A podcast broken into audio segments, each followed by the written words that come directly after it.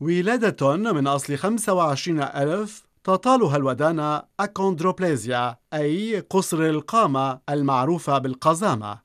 عام 1994 اكتشف الجين المسبب للتقزم في مستشفى نيكير للأولاد المرضى في فرنسا.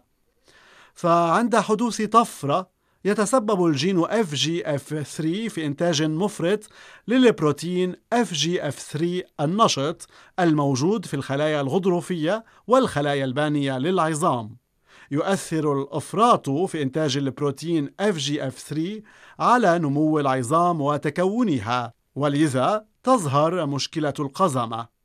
منذ عام 1994 واصلت إحدى الفرق في معهد إيماجن مركز البحث والعلاج والتعليم حول الأمراض الوراثية في حرم المستشفى الفرنسي Necker Enfants Malades واصلت اكتشاف الآليات المتضعضعة بسبب أضرار جين ال FGF 3 إحدى أبرز المشاريع البحثية التي خطفت الأضواء كانت ما قامت بنشره الدكتورة لورانس لو جيمالي حول نتائج التجارب على جزيء infigratinib أظهرت الدكتورة لورانس لو جيمالي أن جرعة منخفضة من جزيء infigratinib المحقونة تحت الجلد قادرة على اختراق لوحة النمو المسؤولة عن الطول في نماذج حيوانية إلى حد إمكانية تعديل تنظيمها.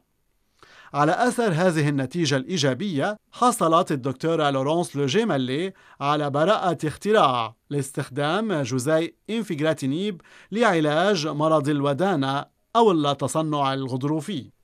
في عام 2018 اشترى مستثمر أمريكي متخصص في الأمراض النادرة براءة اختراع ال infigratinib وأنشأ شركة QED Therapeutics في شهر تموز يوليو من عام 2020 أطلقت الشركة الناشئة تجربة سريرية دولية لاختبار دواء ال infigratinib على أول طفل يعاني من مرض القزامة في ميلبورن، أستراليا.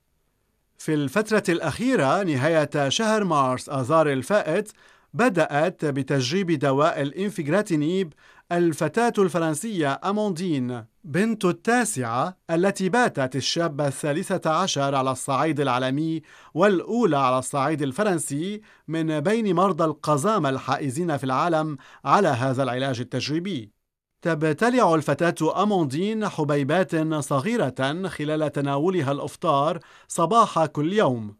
سيستغرق علاجها مدة عامين على الأقل، وإذا تحققت آمال الباحثين من المحتمل أن يزيد طولها من 10 إلى 20 سنتيمترا.